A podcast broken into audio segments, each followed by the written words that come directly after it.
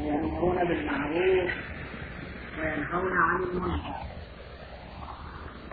النهي عن المنكر عبارة عن أنه الإنسان يرى في الشارع امرأة كافرة يقول لها تحدث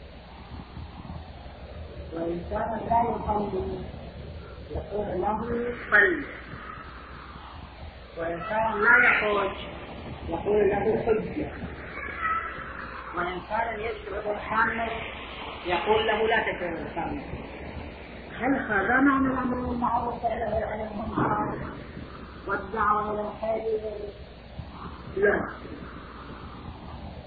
هذه أمور جزئية يجب لا شك. حتى إذا إنسان واحد تراه يشرب الخمر يجب عليك أن تقول له لا تشرب الخمر. حتى إذا إنسان رأيته وفي ذمته في نار خمس وهو لا يؤدي يجب عليك أن تقول له أدية هذا لا تستطيع لكن معنى الأمر بالمعروف والنهي عن المنكر والدعوة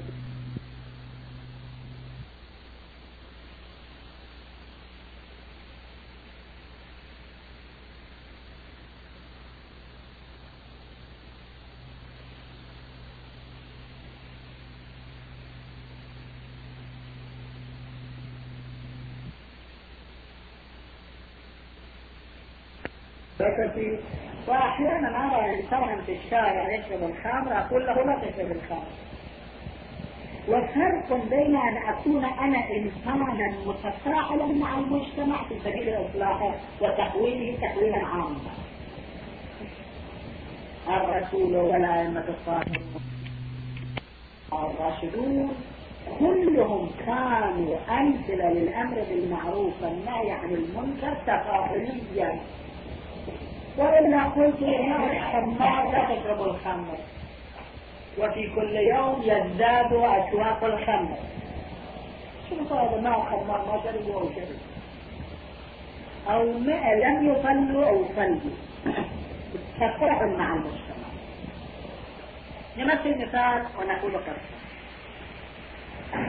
كنت تمر في هذا الشارع. وإذا بسيارة دهست طفل وأنت واقف.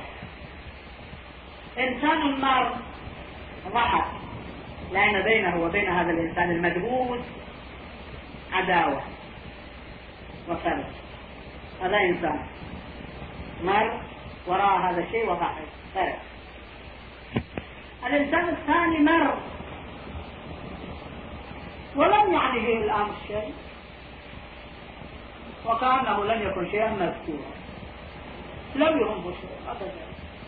لا فرح ولا حزن هذا الإنسان الثاني وإنسان النار قال لا حول ولا قوة إلا بالله. شوف شلون زمان يدخل الصدق في الشارع العام ولا يقال شيء. ونار قال ثلاثة إنسان رابع مر وقال عجيب زمان لازم الإمام الحج يأتي ويصلح الأوضاع. وإلا من هؤلاء الشباب المستهترين في الشوارع ولا أجسر إنا لله وإنا إليه راجعون. هذا الإنسان الراجع. وإنسان الخامس النار وأخذ يبكي ويصيح وينطل على رأسه. كأم الطفل أو أبو الطفل. وأخذ من يجيب لشفاء الطفل. هذا الإنسان الخامس. وإنسان شاف هذا الشيء وتأثر وحمل الطفل وخلاه في سيارة وداه مستشفى الأميري وعالجه حتى أبرأه. أي إنسان صنع حسنا من هؤلاء الستة؟ التفاعل مع المجتمع معناه الصلاة الإنسان يجب عليه إذا رأى المنكر أن يقول لا حول ولا قوة إلا بالله. ويجب عليه أن يدعو الله تعالى ويأخذ من يجيب. ويجب عليه أن يتأثر. لكن كل ذلك لا يعني هذا الطفل.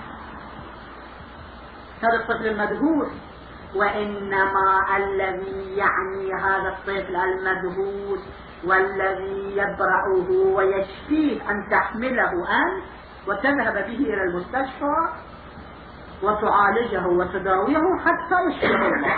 هذا معنى. أمر بالمعروف نهى عن المنكر دعوة الخير هذا معنى قلت أولئك الأشياء صحيح لا شك حتى إذا رأيت طفلا لا يصلي قل له صلي. لكن مو هذا معنى الأمر بالمعروف ككل. هذا كونتين صح معنى الأمر بالمعروف والنهي عن المنكر والدعوة إلى الخير لأن هذه كلمات ترجمها الأنبياء والأئمة. كيف ترجموها؟ لأن الأنبياء والأئمة ترجمة عملية. الأنبياء والأئمة والعلماء الراشدين ترجمة عملية للأمر بالمعروف والنهي عن المنكر والدعوة إلى الخير. ترجمة عملية. كيف ترجموها عمليا؟ ترجموها بالتفاؤل والإصلاح. هذا هو الشيء المفيد إذا أردنا التقدم. ونحن الآن بأجمعنا مسؤولين بهذا الشيء. يمكن نوادر مسؤولين ما أقول بأجمعنا نحن نحن القاعدين بأجمع المسلمين أقصد إحنا مو مسؤولين بالتفاعل مع المجتمع. الذين يتفاعلون مع المجتمع هم الشيوعيون. إلى جانب الشرق هم البعثيون إلى جانب الغرب. هم القوميون إلى وسط بين الشرق والغرب. هؤلاء المتفاعلون. لأن هؤلاء هم ماخذين بالأجل هؤلاء هم المتفاعلون. إن الله أشترى من المؤمنين أنفسهم وأموالهم بأن لهم الجنة يقاتلون في سبيل الله فيقتلون ويقتلون. شوفوا الله تعالى جعل وصف المؤمنين هذه الوصف. اشترى من المؤمنين أنفسهم وأموالهم بأن لهم الجنة. شنو؟ يجاهدون في سبيل يقاتلون في سبيل الله فيقتلون ويقتلون. وعدا عليها حقا في التوراة والإنجيل والقرآن. أصلا معنى الإصلاح معنى الهداية معنى الإرشاد معنى الأمر بالمعروف معنى التعاون على الخير معنى النهي عن المنكر معنى الدعوة إلى الخير هو معناه التفاعل مع وحيث أن المؤمنين المتدينين لم يتفاعلوا جاء من من الشرق يتفاعل ومن من الغرب يتفاعل. وهؤلاء صاروا كديكور لا ولا مجتمع المتدينون في هذا اليوم في أغلب مجتمعاتنا وأغلب بلادنا ديكور المجتمع. رأيت أحد العلماء في أحد البلاد الإسلامية عالم وكل شيء عجز قلت له لماذا لا تعمل عنه؟ قال أنا أتيت رسالة. قلت شنو هذا أسبب الرسالة؟ صديق مكان كلش. توفي الله يرحمه قال أنه ألفت كتاب في أصول الدين. الإنسان يأخذ من الله 80 سنة عمره.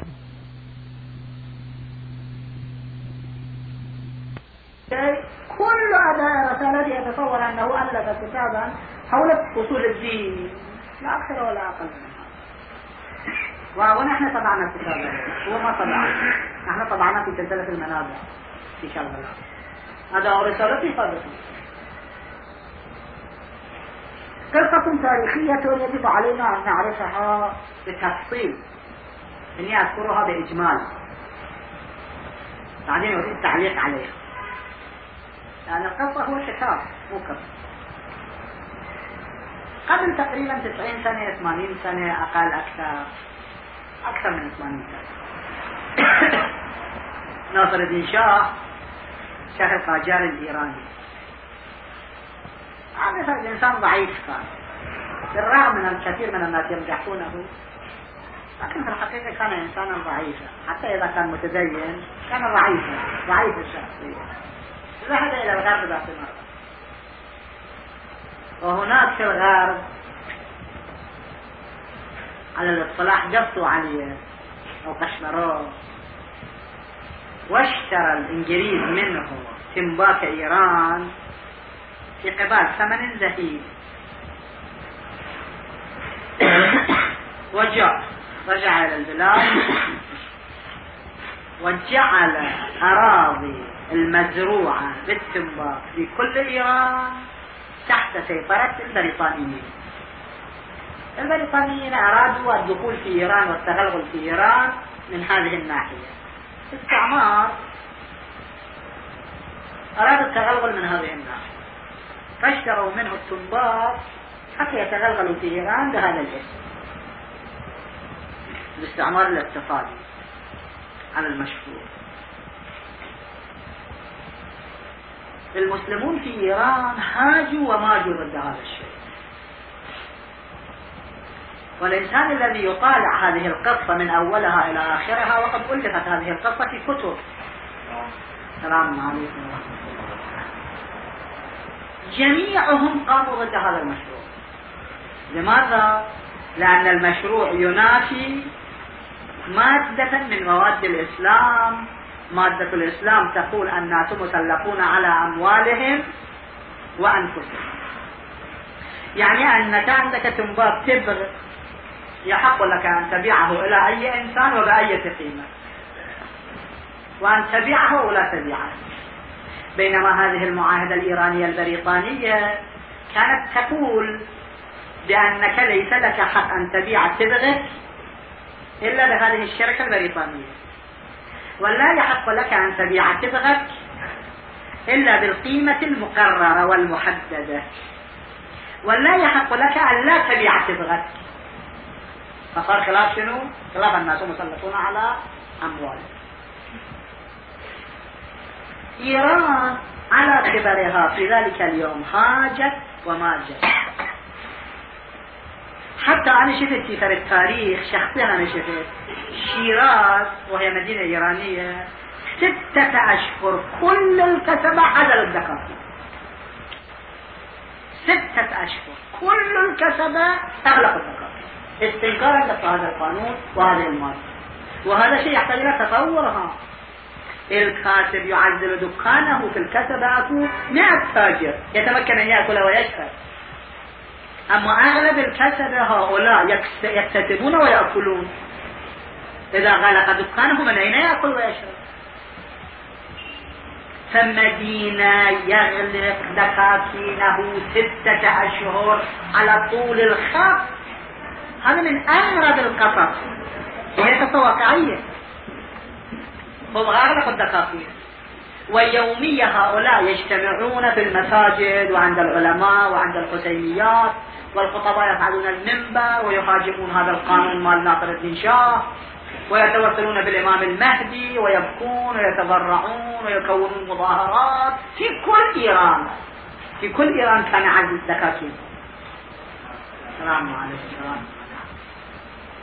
عزل الدكاكين في كل لكن ستة أشهر الذي رأيته في هذا المكان كان بالذات في شيراز وأنا شفت في تاريخ أن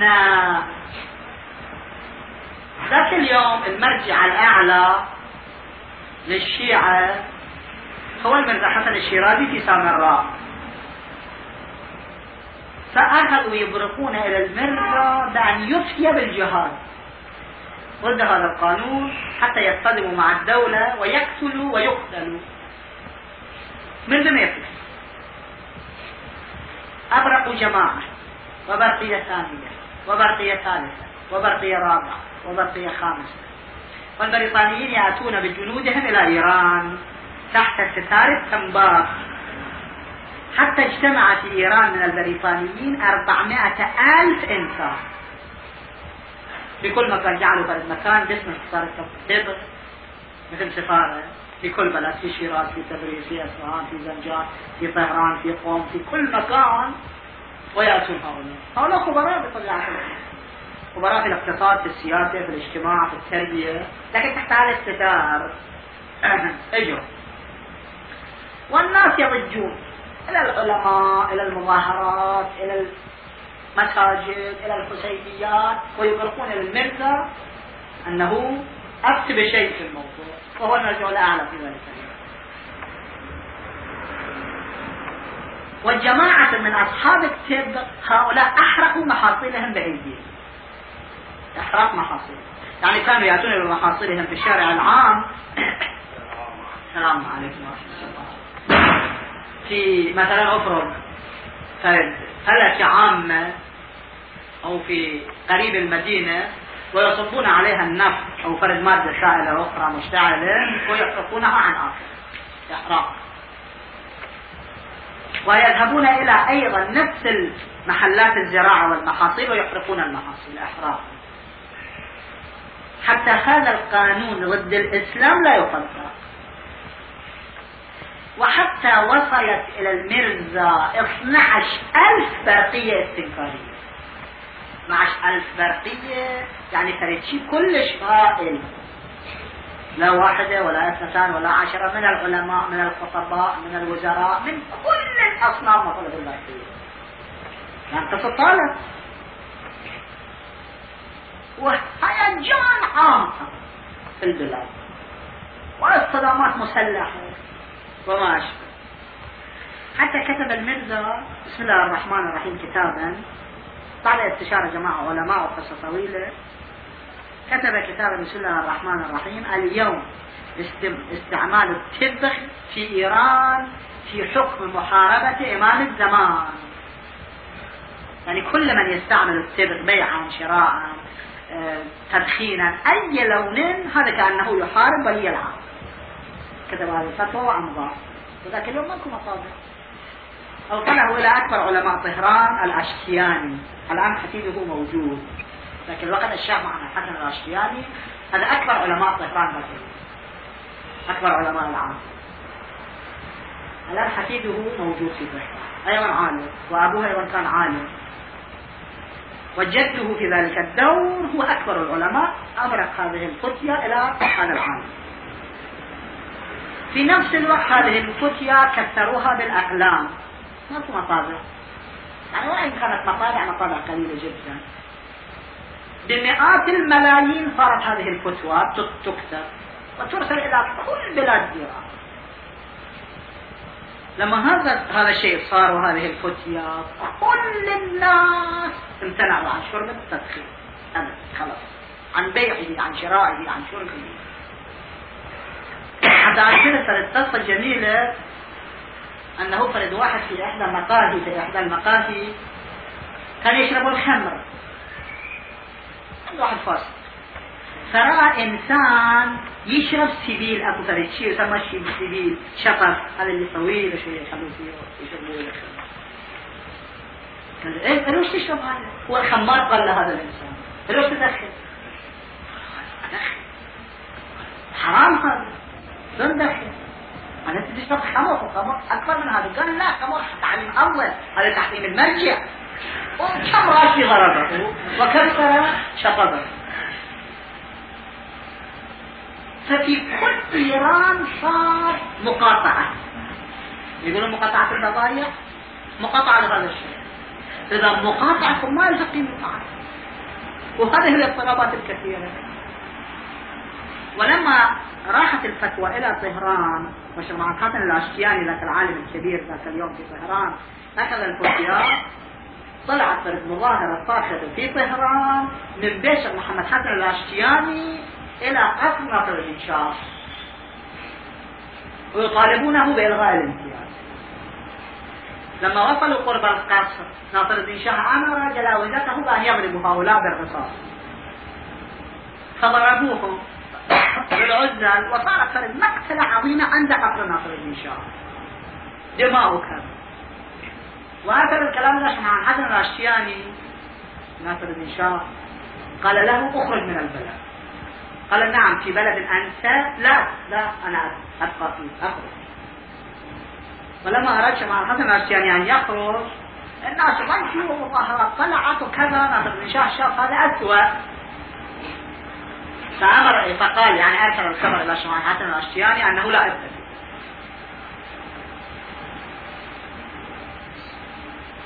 زوجة ناصر الدين شاه هو ناصر الدين شاه يشرب الدخان زوجته أمرها أن يجهز له غرشة على الطلاع أو يد على الطلاع زوجته قالت ما أسلم قال أنه حرام. زوجة الشاه ناصر الدين شاه بالنفس يقول هذا الكلام كلش عجيب ناصر الدين شاه قال لها من حرمها؟ الغرشة. قال الذي حللني لك. قالت هي. الذي حللني لك هو الذي حرم هذا الشيء أنا أنا شلون لو مو بالعقل؟ مو بالإسلام؟ مو بمرجع التقليد نفس هذا الإنسان هو الذي يقول هذا. حرام ويغضب قال تغضب أو لا تغضب؟ أنا ما أسوي هذا حرام.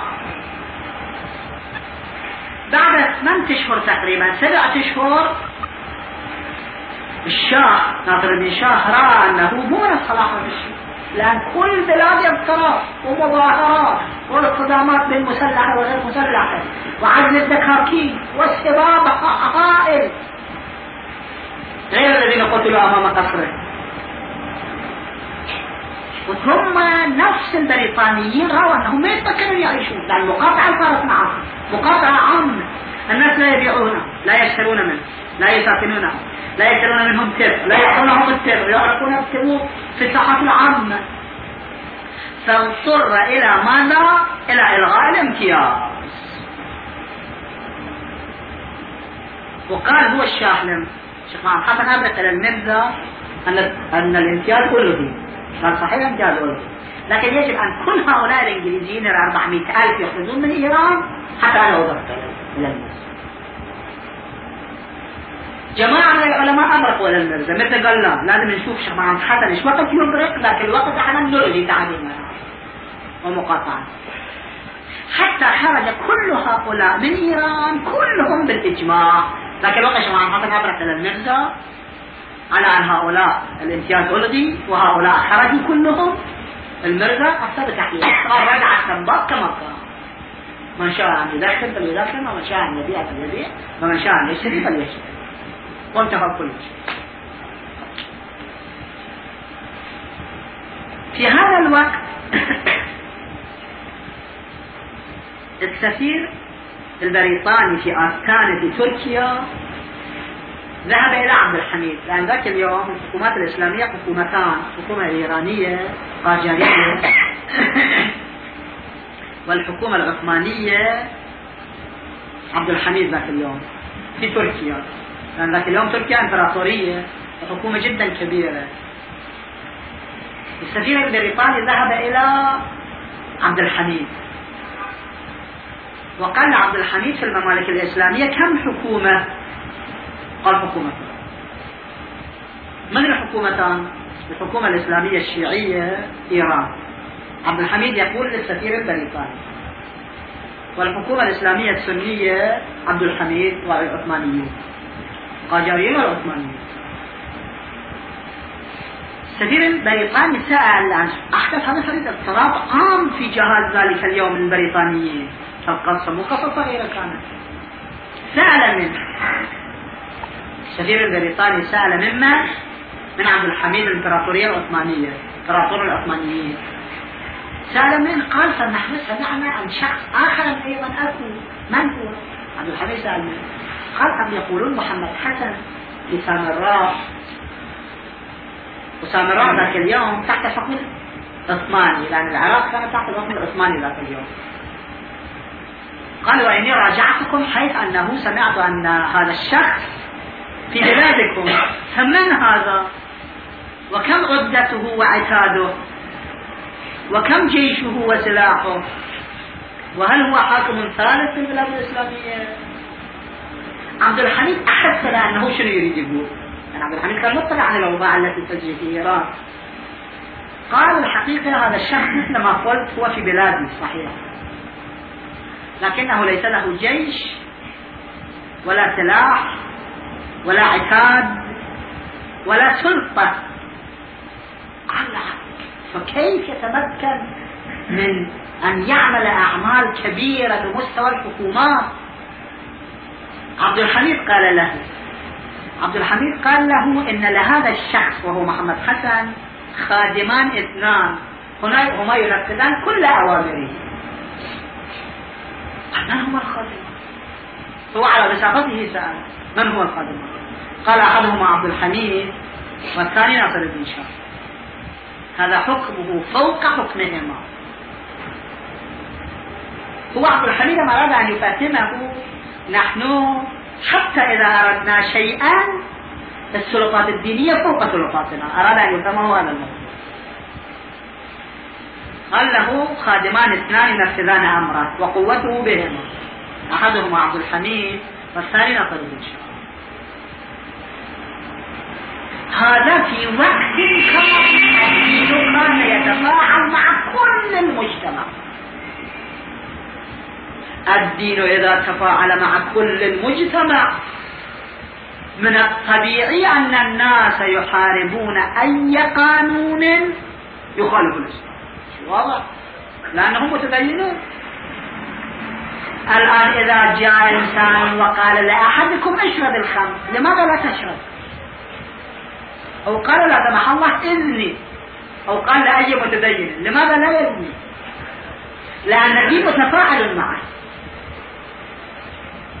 الدين المتفاعل يجعل الناس كلهم جبهة.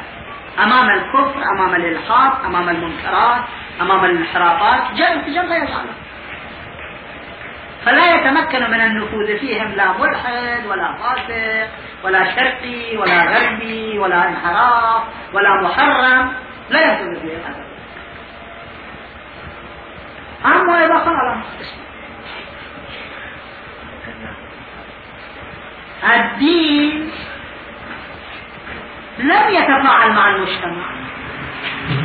الدين الذي لا يتفاعل مع المجتمع هذا دين ميت. هذا دين فقط في المدرسة وفقط في المسجد وفقط في القرآن الحكيم لمن قرأه وفقط في مفاتيح الجنان. هذا دين لا يتفاعل مع المجتمع. والدين كيف يتفاعل وكيف لا يتفاعل؟ بحملته إذا حملت الدين متفاعلون مع المجتمع الدين يتفاعل. إذا حملت الدين مو متفاعلين مع المجتمع الدين يتفاعل. لأن الدين وحده لا يشق الطريق أمامه. إذا كان الدين وحده يشق الطريق أمام نفسه كان رسول الله لم يحتاج إلى حرب ولا إلى خطبة ولا إلى بذل مال ولا إلى جهود ولا إلى جهاد. كان يقول الدين هو نفسه يشق الطريق أمام نفسه وكفى ويجلس في داره. الدين بحملته. حملة الدين من؟ هم العلماء. هي الأقلام. هم الخطباء. الذين هم قوامون وقائمون على الدين. هؤلاء هم عملة الدين. كلما كان هؤلاء تفاعلهم مع المجتمع أكثر كان نفوذهم في الحياة أكثر. وكان نفوذ الدين أكثر. وفائدة نفوذ الدين السيادة. من ما تتصورون أن فائدة الدين هو الآخرة فقط. والجنة والقصور لا. العزة لله ولرسوله وللمؤمنين. العزة. العزة يعني شنو؟ يعني أنت السيد. يعني أنت الشخصية. يعني البلاد الإسلامية هي الشخصية. البلاد الإسلامية هي العزيزة. البلاد الإسلامية هي الرفيعة. قبل تقريبا 400 سنة الحكومة الهندية كانت حكومة إسلامية. هذا الذاكري استعوا البلاد الإسلامية. تحولوا إلى مسلمين. وأخذوا يحمون الإسلام. هم بأنفسهم. ببركة قوة المسلمين ذاك اليوم. المسلمين كانوا كالنهر يطهروا كل شيء حتى إذا وقعت فيه النجاسة.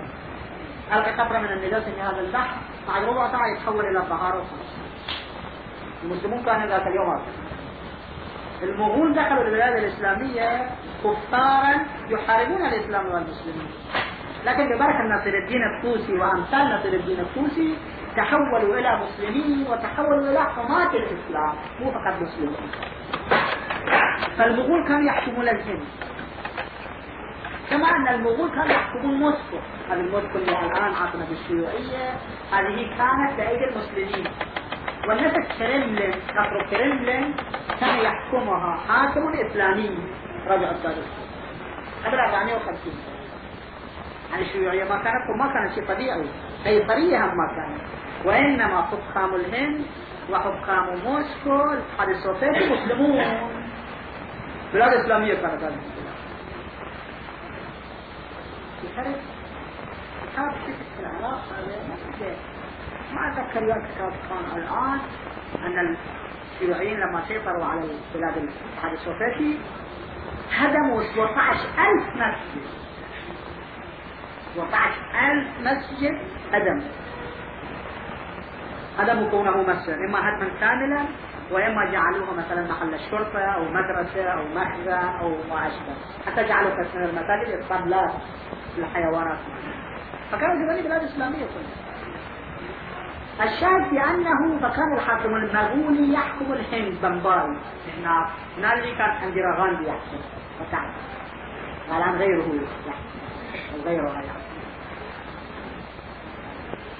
السفير الغربي جاء سفير لندن. جاء إلى بمباي يريد مقابلة الملك المغولي. الملك المسلم بقي يلتمس من الوزراء أن يأخذوا له موعدا عند الملك حتى يقابل الملك. الكلام في العز وأن الإسلام ماذا يفعل بالمسلمين وأن ترك الإسلام ماذا يفعل؟ الوزراء يقولون للملك أن السفير البريطاني يريد مقابلتكم. ما يجي بقي هناك السفير البريطاني هذه خمس شهور ست شهور سنة أقل أكثر. لأن القصة هو أقل شيء هو يكتب أحيانا كل مدة ومدة هو يصر عليهم أنه أريد أقابل الملك يقبل هو ما يجاوب الملك. أخير شيء وصف رئيس الوزراء. أن يقول للملك أن السفير البريطاني يريد مواجهتك ومقابلتك. رئيس الوزراء قال للملك بعد ما هذه ست شهور عشر شهور هذا شيء طويل جدا طويل. الملك قال له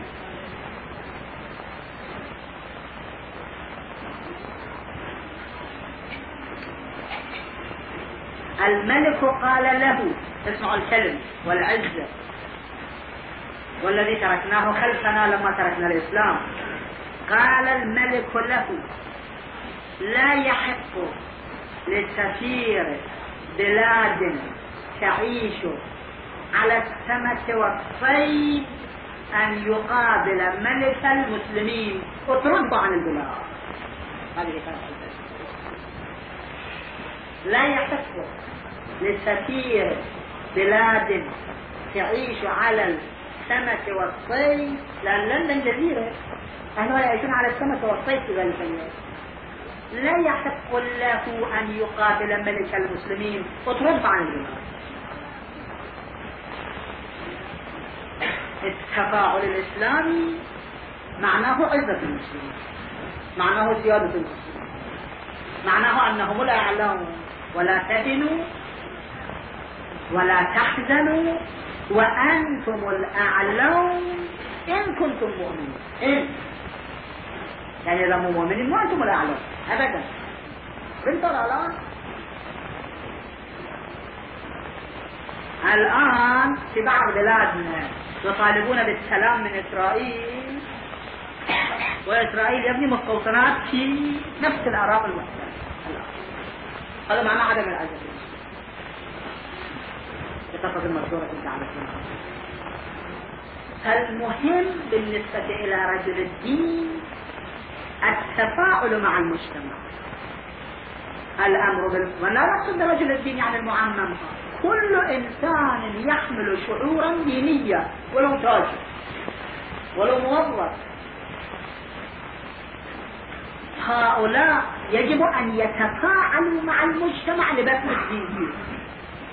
أما مسألة انظر إلى كافرة المجتمع وقل لها أنت كافرة وقل لخمار في بلد أنت خمار وقل لتارك صلاة أنك تترك الصلاة ويجب أن تصلي.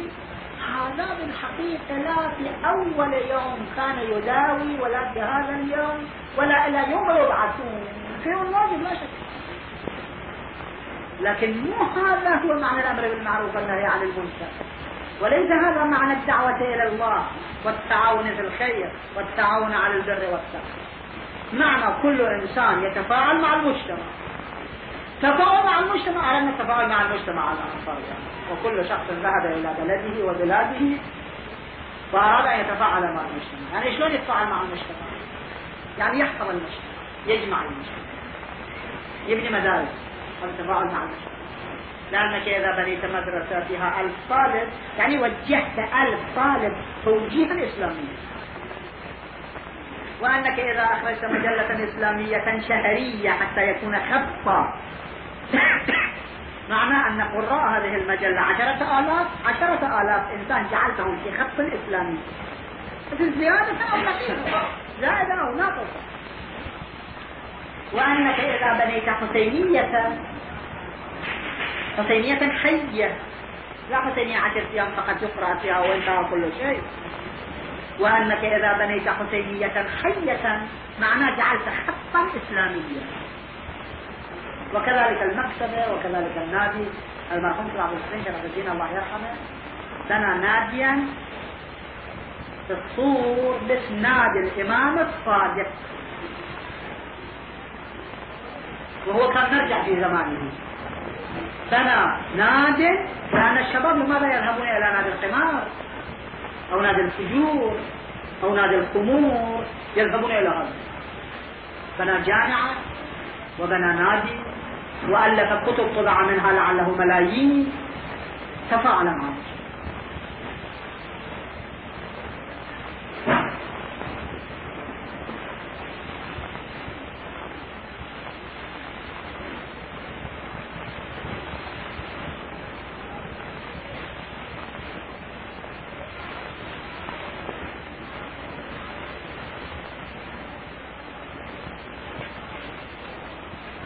فمن الضروري التفاعل مع المجتمع. التفاعل بهذا المعنى. هذا. إذا تفاعلنا مع المجتمع أخذنا المجتمع. يعني أخذ الدين المجتمع.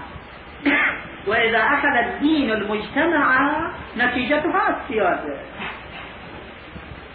ونتيجتها العزة. ونتيجتها التوفيق والتحدث ونسأل الله التوفيق لما يحبه ويرضى